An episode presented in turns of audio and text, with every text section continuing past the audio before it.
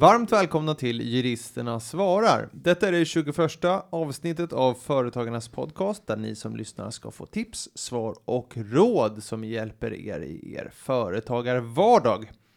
Vi har ju tagit upp en hel del frågor här i podden som gäller arbetsgivare kontra arbetstagare och inte minst i avsnitt 1 eh, som ju hette Vem bestämmer på arbetsplatsen och avsnitt 5 Hur planerar jag semestrar och ledighet?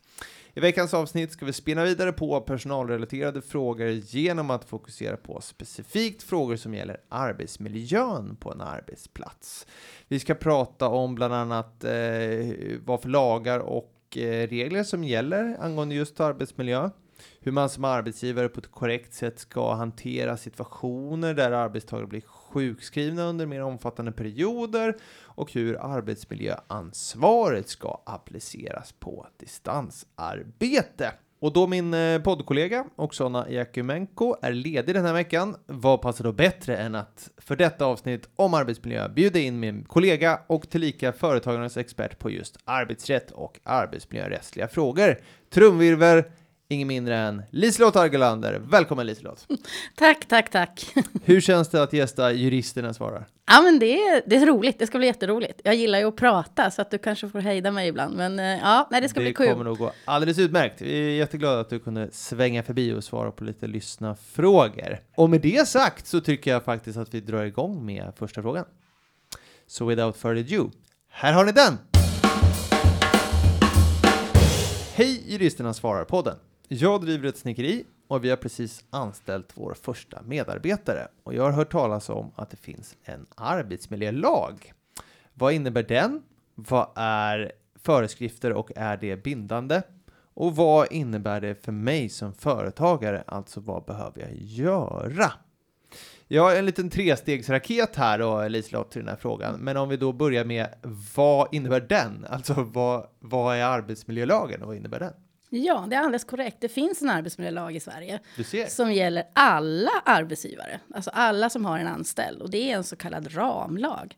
Syftet med den ramlagen är att ingen ska skadas, bli sjuk eller i yttersta fall avlida på grund av arbetsuppgifterna eller på arbetet. Den som är ansvarig för att arbeta med de här frågorna, det är arbetsgivaren på mm. sin arbetsplats. Och den, enligt lagstiftningen då så ska arbetsgivaren göra allt för att förhindra att arbetstagare skadas eller utsätts för ohälsa på arbetet. Och det till sin hjälp då kan arbetsgivaren ha skyddsombud eller så kan man ha ett regionalt skyddsombud som hjälp. Eh, men man måste arbeta systematiskt med de här frågorna och det är väl det som är lite krångligt i vissa fall. Ja, och det där är just regionalt skyddsombud är ju något eh, vi i vår dagliga verksamhet eh, springer på, inte minst i mejlsignaturen när vi korresponderar med facken. Då. Eh, kan du förklara lite vad ett regionalt skyddsombud är? Ja, det är lite skillnad på ett lokalt skyddsombud och ett regionalt mm. skyddsombud. Mm. Ett lokalt skyddsombud, den är ju oftast anställd av arbetsgivaren och finns på arbetsplatsen. Och det, det betyder också att den kan arbetsmiljön på sin arbetsplats de är naturligtvis allra bäst att samarbeta med, för då har man ju en kunskap om arbetsplatsen, vilka risker som finns och hur man ska förebygga dem. Ett regionalt skyddsombud däremot, de är inte normalt sett anställda på arbetsplatsen, utan de är oftast arvoderade eller anställda av den fackliga organisationen. Mm. Och det betyder att de har ett liksom, geografiskt ansvar över flera arbetsplatser. Deras uppdrag är att stödja och hjälpa mindre företag som kanske inte har lokala skyddsombud i arbetsmiljöarbetet. Men de är inte tillsynsansvariga. De har inget på sätt någon tillsynsansvar för arbetsmiljön. Och tyvärr ibland uppträder de lite mer som inspektörer. Men det kan vi ta vid en senare fråga kanske. Men jag mm. tycker att i majoriteten av fallen så fungerar regionala skyddsombud som en bra stöd och hjälp för ett litet företag när man ska jobba med arbetsmiljön. Men vem är det som har det här tillsynsansvaret då, om det inte är regionala skyddsombud? Alltså tillsynen över allt arbetsmiljöarbete och arbetstiden egentligen är Arbetsmiljöverket. Mm. Och Arbetsmiljöverket har också en så kallad föreskriftsrätt. Eftersom arbetsmiljölagen är en ramlag så betyder det också att den innehåller inte så mycket specifika regler om hur arbetsmiljön ska vara. Utan den beskriver mer att man måste arbeta, att man måste liksom förebygga. Men sen finns det föreskrifter, den så kallade föreskriftsrätten. Och där har Arbetsmiljöverket många föreskrifter. Och de beskriver mer specifikt om vissa funktioner eller platser eller vad man ska säga på arbetsplatsen. Exempelvis hur arbetsplatsens utformning ska vara. Eller hur mycket buller en arbetstagare får utsättas för. Så det, det, har, det, finns många föreskrifter på det här området. Och då måste man ju känna till. Alltså arbetsgivaren har en skyldighet att känna till vilka föreskrifter som berör just den arbetsgivaren eller den arbetsplatsen. Och det kan vara lite knepigt. Men det finns hjälp att få, så att säga. Mm. Och du säger precis, och det var ju andra delen av, av eh, med, eh, lyssnarens fråga här, just vad föreskrifter är som du var inne på. Och nu undrar om de då föreskrifterna är bindande? Ja, de är egentligen lika bindande som lagstiftningen. Och eftersom det finns så många föreskrifter så gäller det verkligen att ha liksom, tungan rätt i munnen och hitta de föreskrifter som berör just mig som arbetsgivare. Mm. Och det finns regler om det mesta. Så att när någon ringer och frågar mig så brukar jag säga så här att ja, det finns säkert en föreskrift. Vi får leta lite. Mm. Det finns exempelvis föreskrifter om arbete på hög höjd. Hur en arbetsplats ska vara utformad. Om utrymningsvägar. Om det finns risk för hot och våld. Det finns regler om första hjälpen. Eller hur exempelvis en arbetstagare ska lyfta olika saker. Och för att följa de här föreskrifterna, då måste man så att säga bedriva ett regelbundet arbetsmiljöarbete. Det räcker liksom inte att läsa i lagstiftningen, utan när man har kollat upp föreskrifterna så måste man liksom ha en sån här, ni vet en sån här äh, idélampa ovanför huvudet. Mm. Aha, jag kanske måste göra något som arbetsgivare också. Det känns lite som i, i GDPR-sammanhang, att ja, okej, okay, här är det någonting som bestäms, men, men eh, det här innebär nog också att jag ska göra någonting. Mm. Och det är ju eh, tre, tredje frågan i trestegsraketen. Eh, vi är ju framme då vid att man undrar ju, vad är det då man som arbetsgivare ska göra? Liselott? Ja, vad ska man göra då, då? Det räcker inte med att bara ha de här papperna eller föreskrifterna. Nej, men precis. Du, man måste ju göra något på arbetsplatsen också. Och det man brukar säga då, det finns en så här huvudportal eller en, en generalföreskrift som heter systematiskt arbetsmiljöarbete. Den kallas för SAM-föreskriften. Mm. Den, SAM, ja, systematiskt SAM. arbetsmiljöarbete. Ja, mm. och den beskriver vad företaget måste göra och hur. Och för att ha ett systematiskt arbetsmiljöarbete så kan man ju också tänka så här, för att det ska bli systematiskt så måste man göra det flera gånger. Det räcker inte med att göra det liksom en gång och sen lägga den undersökningen eller det arbetet på hyllan och sen, ja men nu har vi gjort vårt. Utan det här ska ske, helst ska det ju ske i den liksom dagliga verksamheten på något sätt, att man mm. alltid tänker arbetsmiljö. Mm. Man brukar beskriva samarbetet som, att, som fyra steg. Och de fyra stegen är egentligen att man ska först undersöka arbetsmiljön. Man måste ha koll på vad som händer på arbetsplatsen. Vad mm. finns det för arbetsmiljö? Och sen ska man bedöma de bristerna eller det man har eh, och vidta åtgärder. Och sen ska man upprätta en handlingsplan och sen ska man kontrollera. Okay. Och det innebär att för att undersöka arbetsmiljön mm. så måste man ju ha någon form av plan för det. Mm. Man kan följa en checklista. Yes. Man kan upprätta egna checklister. Man kan, eh, man kan så att säga också hämta checklister. Exempelvis kan du hämta checklister på, på vissa hemsidor som är gratis. Mm. Prevent, en jättebra organisation. De, Bra tips. Ja, de har checklistor som man hämtar, laddar ner, så kan man mm. följa dem. Och det finns checklistor för liksom den allmänna arbetsmiljön. Det finns checklistor för olika branscher. Det finns checklistor så att säga, som är mer specifika om man vill undersöka exempelvis den psykosociala arbetsmiljön eller buller och sådana saker. Så att det är bara att leta sig vidare. Eller så kan man fråga oss. Mm. Vi hjälper gärna till så att säga på företagarna med rådgivningen. Ja, men absolut. Och när man har hittat eller hittat de här checklistorna som man ska ha, då tycker jag att man behöver ta reda på, finns det föreskrifter? Okej. Okay. Finns det några föreskrifter som jag måste ha koll på? Mm. Och med nästan 100% säkerhet kan jag säga att det finns. Det finns föreskrifter om mycket. Och då gäller det att plocka fram de föreskrifterna och titta, vad står det i dem? Mm. Vad måste jag liksom ha koll på? Får jag ha någon att jobba på taket utan säkerhetsanordningar? Nej, mm. det får nej, du inte. Nej. Och så vidare. Sen tar man den här checklistan. Man går runt och tittar på sin arbetsplats egentligen och undersöker den genom att göra en ja, okulär besiktning. Mm. Man kan också intervjua arbetstagare. Man kan göra på många olika sätt. Och så tittar man då, vad har vi för brister? Och när man undersöker arbetsmiljön systematiskt så hittar man brister. Alla arbetsgivare hittar brister, men det kan ju mm. vara små brister en glödlampa är trasig. Mm. Det kan vara stora brister. Oj, golvet är sprucket här, vi måste byta golv. Mm. Det kan finnas många olika saker. Mm, mm. Och då ska man bedöma de här bristerna. Det är steg två i det här. Och de bristerna som man bedömer, då ska man bedöma om de är allvarliga eh, eller om de kan åtgärdas direkt. Alla brister som man hittar ska åtgärdas på ett eller annat sätt. Mm. Men om det är en stor kostnadsdrivande brist, byta ventilation eller något sånt, då kanske man kan planlägga det i en handlingsplan. Det viktiga är när man bedömer och ta, liksom hittar de här bristerna, det är också att se ut vem som ska göra det här. Vem har ansvaret? Är det arbetsgivaren? Oftast är det det. Men det kan ju vara en chef också som har ett ansvar. Mm. Och de här sakerna som man inte kan åtgärda direkt egentligen steg tre, det vill säga upprätta en handlingsplan för åtgärder som inte kan av, liksom av, vad heter det? inte avlivas heter det ju Åtgärdas. åtgärdas. Då, måste, då gör man det i en handlingsplan och där måste det definitivt stå både vem som ansvarar och när det ska vara klart. Mm. När man har gjort det här, de här tre stegen då, då har man ju så att säga en plan eller man har ju gjort ett riskbedömning som det kallas enligt systematiskt arbetsmiljöarbete. Då måste man ju kontrollera att det här följs upp. Så det är lämpligt att ha någon form av kontrolluppföljning efter ett tag och se, har vi liksom åtgärdat de här bristerna? Har vi liksom lagat det här eller har vi tagit hänsyn till det som ska tas hänsyn till då? Mm. Och det här blir som att säga som ett rullande arbetsmoment. För att det ska ses Ja. som systematiskt, eller hur? Ja. Som du är inne på. Det måste vara det. Ja. Men det, det är också så att olika typer av verksamheter kan behöva olika mycket. Jag menar, en industri kan ju ha mycket mera och mycket fler och allvarliga risker än ett kontor. Mm, mm. Så man måste anpassa det här arbetet till den verksamhet man har. Så att säga. Men det är viktigt att det görs och att det görs liksom regelbundet. I de Ja. allra minsta verksamheterna kanske räcker med att man gör det här några gånger om året. Okej, alltså samarbetet.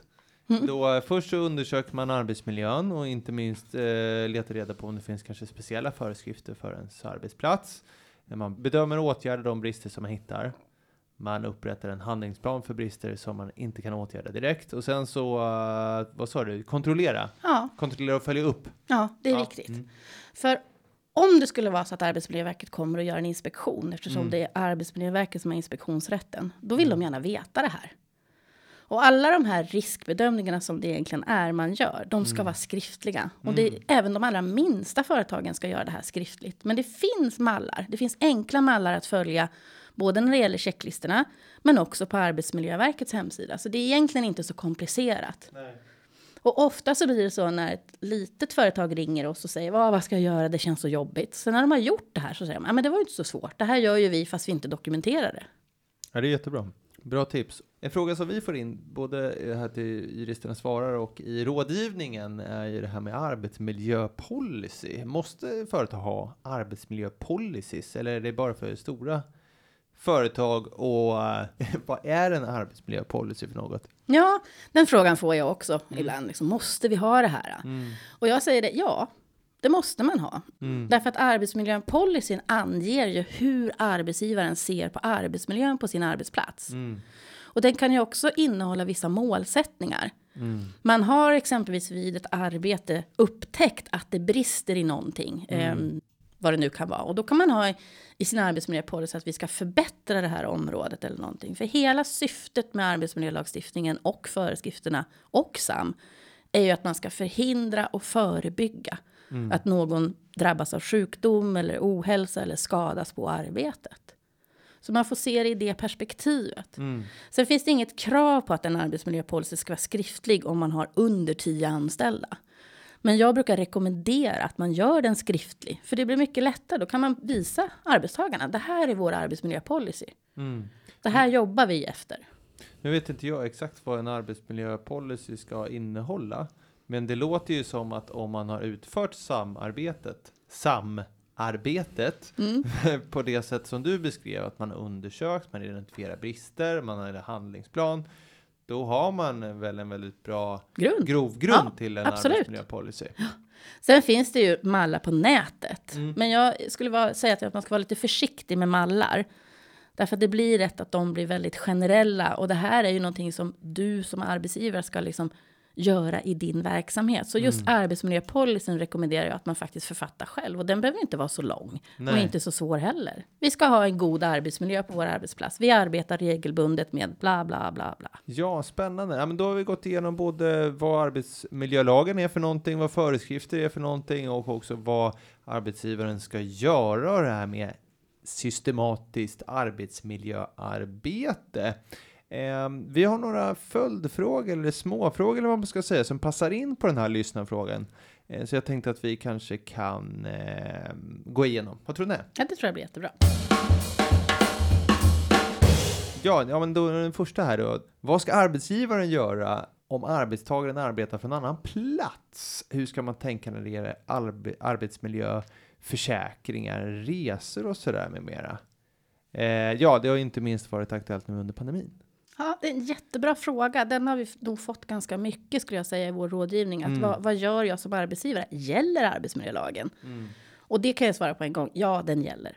Den gäller för allt arbete som dina arbetstagare gör, även om de arbetar från annan plats. Och då blir det ju lite knepigare för att de, en arbetsplats kan ju arbetsgivaren bestämma vilka stolar man ska ha, vilket arbetsredskap som ska användas, hur man ska sitta, man förfogar över belysning med mera. Men när arbetstagarna sitter exempelvis hemma och jobbar, då har man ju lite mindre koll på just de fysiska grejerna.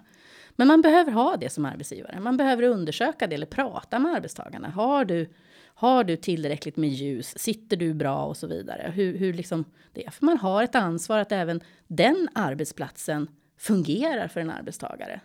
Och att man jobbar på ett ergonomiskt rätt sätt. Så att säga. Så det, och det är det här som blir lite svårare att förstå från arbetsgivarens håll. Eh, man tycker kanske att arbetstagaren behöver ta ett större ansvar och det är klart att de gör. Men du som arbetsgivare måste känna att du också har rätt att bestämma hur det ska se ut där du jobbar hemifrån. Annars kanske man måste fundera på om man kan tillåta arbete hemifrån. Okej, men hur ska man då göra med arbetsredskap som stolar, datorer, telefoner och andra hjälpmedel som en anställd måste ha om den anställde inte jobbar på arbetsplatsen, jobbar hemifrån? Eller så? Ja, jag tycker att de...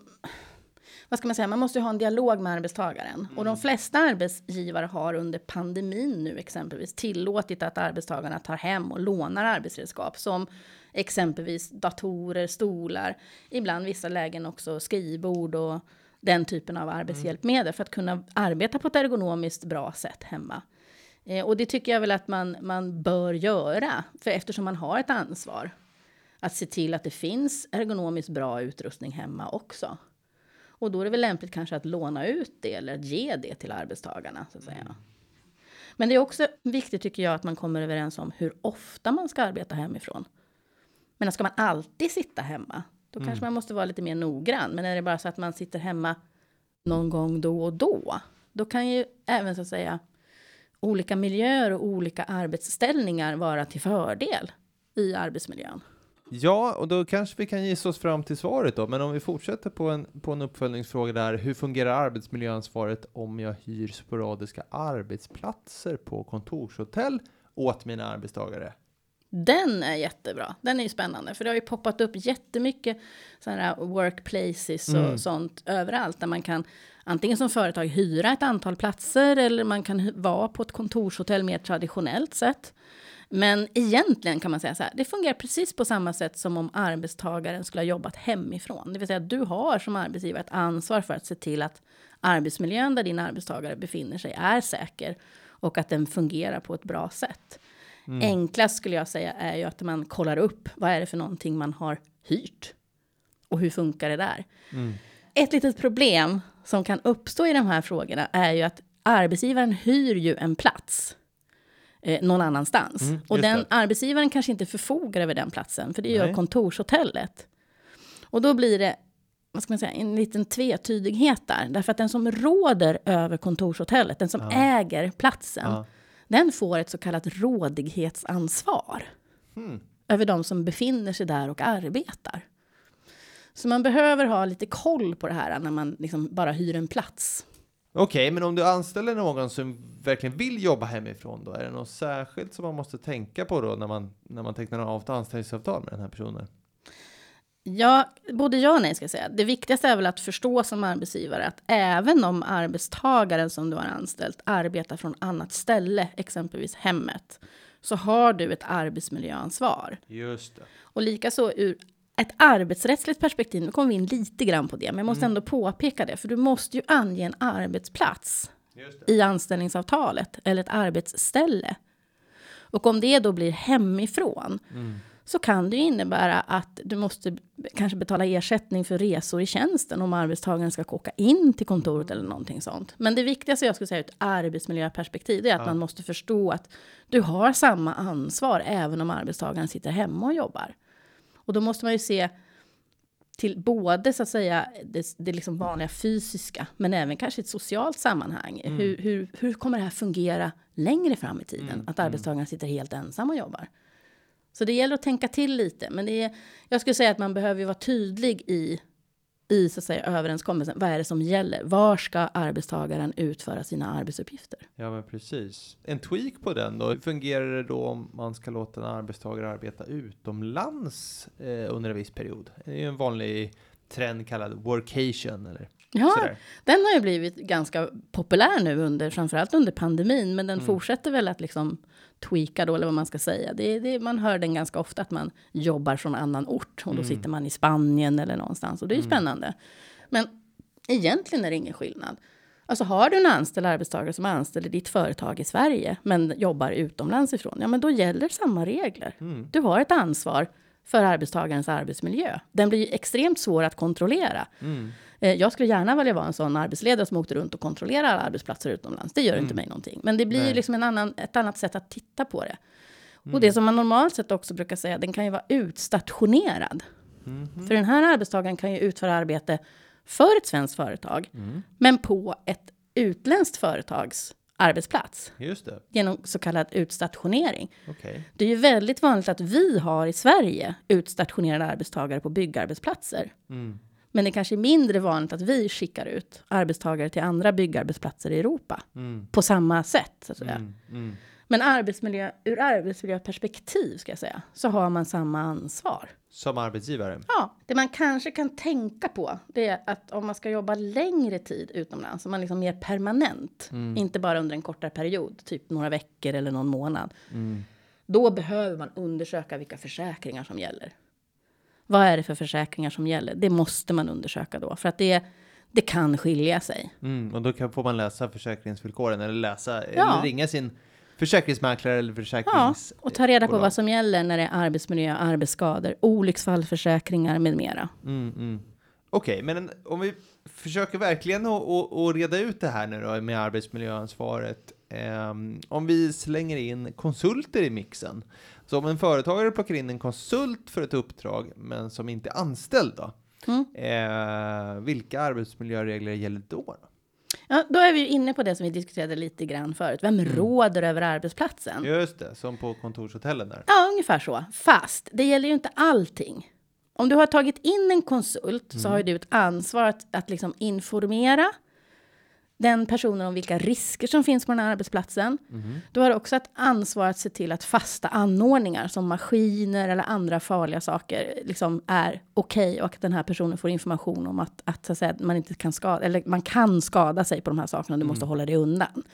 Så på så sätt har man ett ansvar även för de som är konsulter på arbetsplatsen. Men man har egentligen inte ett ansvar om det nu skulle vara så att olyckan är framme och konsulten skadas på något sätt. Då är det dennes arbetsgivare som ska göra en arbetsskadeanmälan, inte du som inte är arbetsgivare. Men det här rådighetsansvaret sträcker sig ganska långt, så du måste ha en plan för hur du ska hantera det här. För du kan ju ha reparatörer som är inne och ska jobba med exempelvis eh, laga något el eller någonting.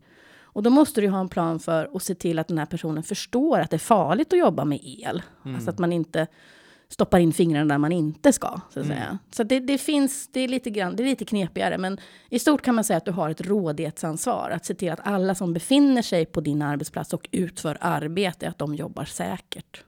Ja, och det är jättebra att du tog upp den distinktionen där, för att som vi pratade om förut vid kontorshotell och när vi pratade om att man det är fortfarande arbetsgivaren som har arbetsmiljöansvar när, när arbetstagaren jobbar hemifrån och så vidare. Eller hur? Så eh, övergripande ansvaret. Men det finns det där rådighetsansvaret som den som eh, råder över arbetsplatsen också har. Men det tar inte bort arbetsmiljöansvaret från arbetsgivaren. Nej, det gör det inte. Det, det blir en, en, ett samordnat ansvar kan Ja. man säga. Så därför är det viktigt att man har kontakt. Har man kontorshotell så tycker jag att det är viktigt att, att arbetsgivaren har kontakt med den som råder över den arbetsplatsen Mm. och kollar upp lite grann hur det ser ut och vad som kan vara risker och sådana saker.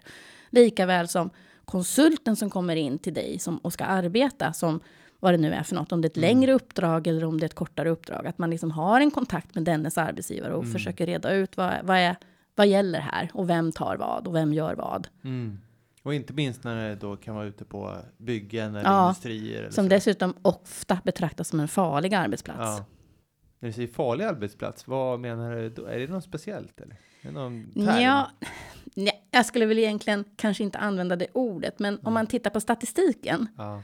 så sker de flesta allvarliga olyckor Mm. sker inom industrin och inom byggarbetsplatser allra främst Mm. och inom transport skulle Okej. jag säga. För det finns så mycket andra saker där. Jag menar, på en byggarbetsplats jobbar du ju med farliga maskiner. Mm. Alltså sågar, eh, du jobbar på hög höjd, Mm. lyftkranar, alla möjliga saker som kan ramla ner eller skada någon. Och där är ju det dagliga faktiskt arbetet väldigt viktigt. Det räcker inte att en byggarbetsplats gör en checklista och gör ett, Mm. en undersökning varje år, utan där, där har man helt andra liksom, kontinuitetsregler när det gäller hur man ska säkerställa arbetsplatsen. Mm. Mm. Så det, det, på så sätt kan man ju säga att den är farligare än en kontorsarbetsplats. Mm. Mm. Jag menar visst, du kan klämma dig och ramla av kontorsstolen och du kan göra det illa på saker och ting, Mm. men den är ju betydligt, det är betydligt säkrare. Däremot så kanske de ergonomiska skadorna är högre. Alltså man sitter för mycket, Mm, man får ont i ryggen, dålig belysning på en kontorsarbetsplats. Så man brukar särskilja dem lite grann. Mm, mm. Ja, men det var du inne på förut också. Det, det är bra att ha i åtanke att då samarbetet kan ju då bli väldigt mycket mer omfattande på, på en arbetsplats som har större risker. Mm. Är det rätt uppfattat? Ja, det kan man säga. Och också på byggarbetsplatser idag så är det väldigt mycket underentreprenörer som kommer in. Mm, mm, Och då måste man samordna arbetsmiljöarbetet. Vilken underentreprenör gör vad? Och när ska de vara på arbetsplatsen? Mm. Vad har vi för regler kring det? Mm. Ja, viktigt med samordning då mellan Ja. arbetsgivare och den som har rådighet över arbetsplatsen om inte det är Precis. samma, eh, samma bolag. Mm. Okej, men sista följdfråga innan vi hoppar in på en helt ny eh, lyssnarfråga. Hur fungerar det med övertid om en anställd jobbar på distans? Den, den är också lite rolig faktiskt. Mm. Man brukar ju man brukar säga så här att eh, Arbetsmiljöverket har ju tillsyn över både arbetsmiljön och arbetstidslagen egentligen. Just det. Men facken har oftast tillsyn över arbetsplatser där man har kollektivavtal och hängavtal när det gäller arbetstiden. Men i stort kan man säga så här att arbetstidslagen gäller ju oavsett var du arbetar. Mm. Men det kan ju vara oerhört svårt för en arbetsgivare att kontrollera när jobbar du egentligen. Och det betyder ju att man måste så att säga på något sätt ha en, en eh, bra dialog med de som inte befinner sig på arbetsplatsen där arbetsgivaren ser att du är där och jobbar. Sitter man hemma och jobbar exempelvis så är det ju faktiskt så att du ska inte jobba mer än din ordinarie arbetstid egentligen. Måste du göra det så ska det ju egentligen ske då på order från arbetsgivaren eller att ni är överens om att du måste eller ska jobba mer än heltid eller vad det är. För övertid är ju utöver din heltid. Just det. Du måste få tillräckligt med vilopauser och återhämtning även när du jobbar hemifrån. Så den är, den är lite så här knepig och man måste liksom prata om det helt enkelt. Mm. Tack, då tycker jag vi nästan eh, går till nästa lyssnarfråga. Okej, det här är en fråga som är väldigt vanlig som vi får in till rådgivningen eh, ofta. Och det är ju just den här som den här lyssnaren ställer. Hej! Juristerna svarar. Jag har en medarbetare som ofta är sjuk och borta från arbetet. Och nu har arbetstagaren varit sjukskriven i två månader i sträck. Vad kan jag göra och vad måste jag göra?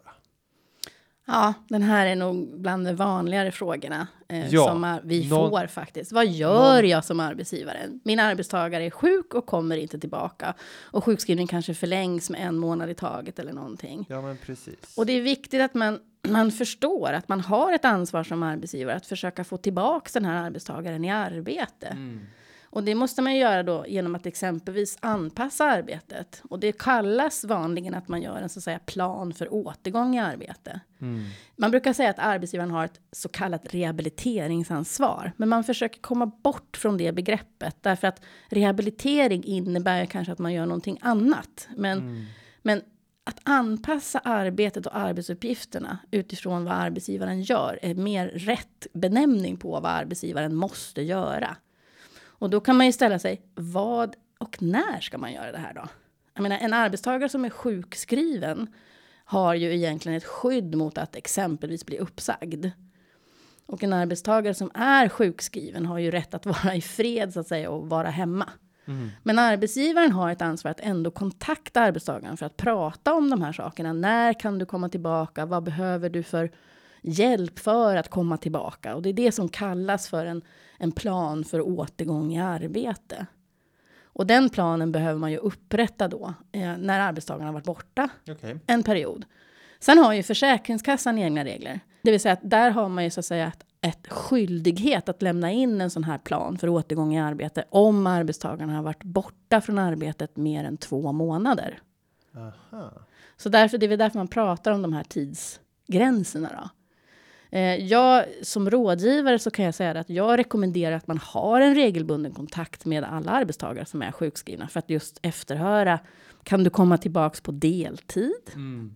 Kan du göra någonting hemma eller vad, vad liksom gäller? Sen beror det naturligtvis på vad personen är sjukskriven för. Vad är, för, vad är, vad är liksom funktionsnedsättningen? Ehm, så det, det, det är lite så här, man måste ha lite tunga rätt i mun och vara lite lämplig. Jag förstår. Men du, du sa någonting där om att man måste upprätta en sån här plan för återgång i arbete. Mm. Om den anställde är sjukskriven längre än, vad sa du?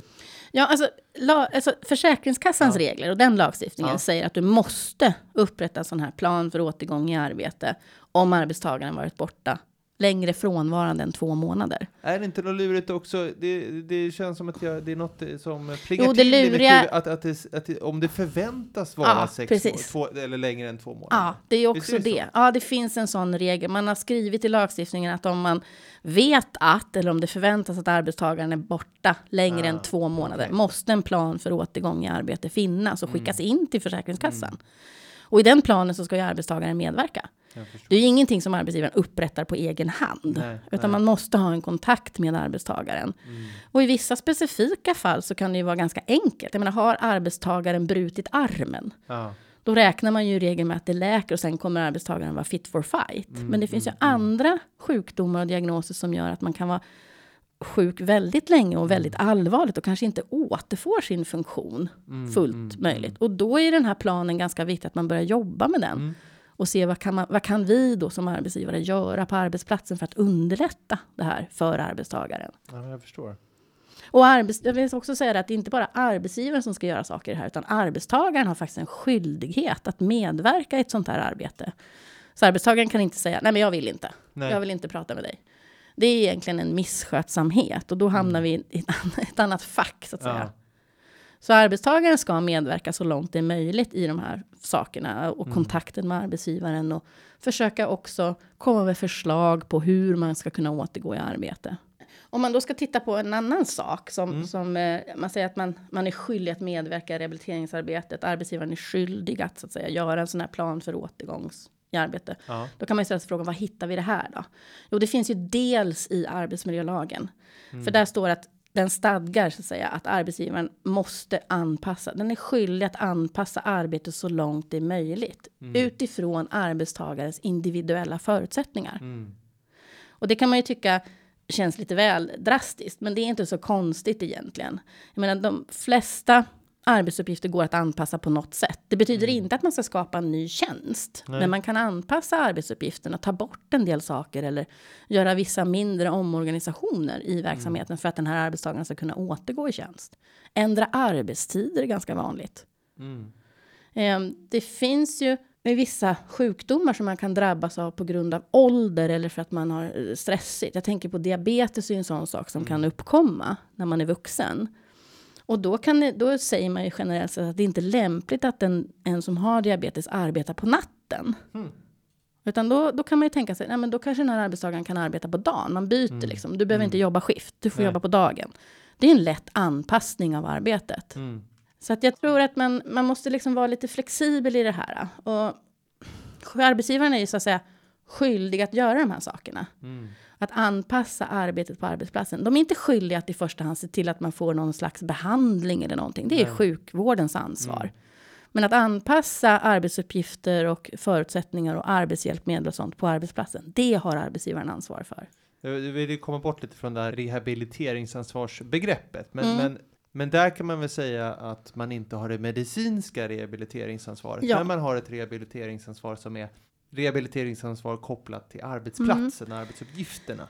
Man kan säga så här att, att föreskriften för det här har ändrats. Okej. Förut så hette eh, faktiskt föreskriften att man, att man re, om rehabiliteringsansvar Okej. och anpassning. okej. Nu heter den egentligen bara om anpassning av arbete. Ja, Så att säga. ja. Och, och det betyder ju att, att man vill försöka komma bort här med rehabilitering, för det är så lätt att koppla det till liksom, sjukvården. Men Mm. Ja. det är helt korrekt det du säger, att, Mm. att den medicinska rehabiliteringen, det har sjukvården ansvar för, inte Mm. arbetsgivaren.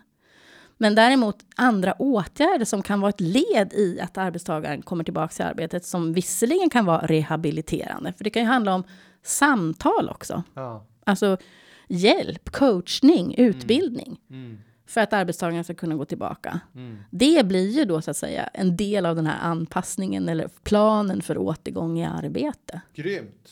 Du, eh, jag tyckte jag hörde någonting om uppsägningsförbud där Liselott. Vad Ja. menar du med det? Ja, vad jag menar med det är att om en arbetstagare är sjuk, alltså Mm. har en sjukskrivning, pågående sjukskrivning, Mm.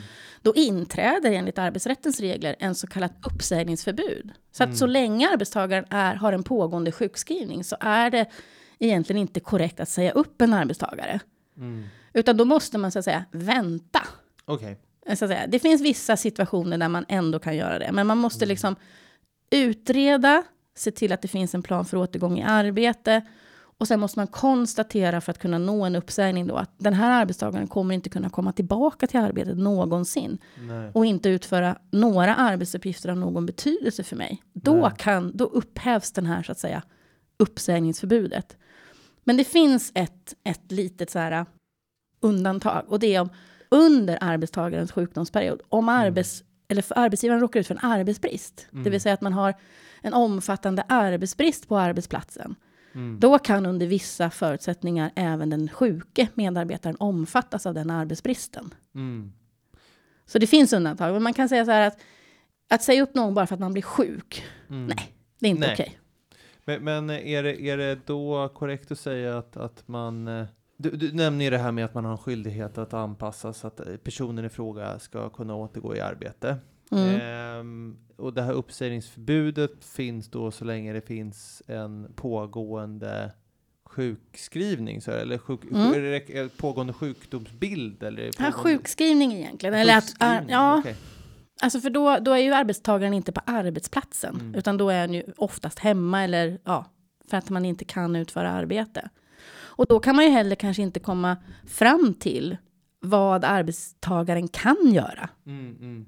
Och är det så att man är liksom immun då mot uppsägning på grund av sjukdom så länge arbetsgivaren inte har uppfyllt allt det de ska? Ja, och också så länge arbetstagaren medverkar. För att Okej. det som händer Okej. är om arbetstagaren säger nej men jag vill inte medverka. I den här planen Nej, återgång jag tänker arbete? inte svara Ja, på de här nej. frågorna. Jag vill inte ha någon kontakt. Jag vill inte Nej. säga någonting. Då hamnar man i nästa läge så att säga. Att då, vad ska arbetsgivaren göra då? Då Mm. kan man ju säga att arbetsgivaren har fullföljt sitt ansvar för att anpassa arbetet och försöka få tillbaka arbetstagaren. Och då kan man ju hamna i ett läge där man kanske måste säga upp arbetstagaren för att det finns liksom ingenting annat att göra. Mm. Arbetstagaren vägrar att Mm. medverka.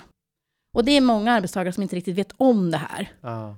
Och det tror jag är viktigt att man påpekar för arbetstagarna när man har kontakt som arbetsgivare. Att man talar om för dem att du är faktiskt skyldig att medverka i det här jobbet för att vi vill ha tillbaks dig. Mm. Vi vill att du ska kunna jobba för oss. Och du måste hjälpa oss att förstå och komma med förslag på hur det ska kunna gå till. Mm, mm, mm. Men ett eh, medskick till lyssnarna är väl alltid det att är det en situation där det är en långt pågående eh, sjukdomsperiod med en anställd och man vet inte om den här personen kommer kunna komma tillbaks till arbetet överhuvudtaget Eh, innan det alls eh, blir aktuellt med en uppsägning så ring och diskutera det här med en arbetsrättsspecialist, eller vad säger du Liselott? Det tror jag är ett väldigt, väldigt bra Mm. råd. För att det här, det är knepigt. Mm. Eh, det kan ju, det kan, en person som är allvarligt sjuk kan ju vara sjuk väldigt länge innan Mm. man kommer fram till att nej, men det här går inte längre. Så att en sjukperiod på exempelvis två månader, det tänker jag att det, det, det, får, det är nog lite för kort tid för att säga att För att ens vara i den här diskussionen, tänker du? ja, precis, det tror jag. Men, men det är klart att om personen är viktig för produktionen Mm. hos arbetsgivaren så kan det ju vara jättefrustrerande att inte veta om och när arbetstagaren kommer tillbaka. Mm. Och då tänkte jag bara avsluta med en sak. Att Mm. Om man tycker det här är jobbigt och inte kan, dels kan man ringa till oss och prata. Mm. Men om det gäller själva förståelsen för vad arbetstagaren kan göra, alltså det vill säga som har kopplingar till den funktionsnedsättning som finns, Mm. Mm. då tycker jag att företagshälsovård är ett alldeles utmärkt redskap. Mm. Och det finns i lagstiftningen en skyldighet för arbetsgivaren att undersöka om man behöver ha företagshälsovård. Därför på grund av att man kanske inte kan det här. Okej. Man kanske inte vet vad det innebär en viss funktionsnedsättning, vad arbetstagaren faktiskt kan göra. Och då kan företagshälsovården hjälpa till. För de har specialister som kan liksom, både arbetsterapeuter och läkare arbetsmiljöingenjörer, Mm. som kan bedöma, göra en så kallad arbetsbedömning av den här arbetstagaren. Vad kommer den här arbetstagaren kunna göra? Och sen kan man då konstatera, har vi möjlighet att ändra arbetet så att arbetstagaren kan göra de här sakerna? Så det är ett tips. Okej, då är vi faktiskt klara med veckans avsnitt. Det är väldigt matnyttigt och praktiskt idag tycker jag. Ehm, Som medlem i Företagarna kan du utan kostnad ringa till oss och våra kollegor på den juridiska rådgivningen och få personlig hjälp. Du når oss på telefon 0771 45 45 45. Fler frågor och svar om arbetsmiljö hittar du även på företagarna.se. Har du en fråga till podden, då tycker jag att du mejlar till podcast.foretagarna.se. Klippningen är gjord av Petra Chu och underlaget av David Hagen. Tack än en gång Liselott för att du kom hit till podden och tack ni lyssnare för att ni har lyssnat. Hej då! Hej då! Ha det så bra!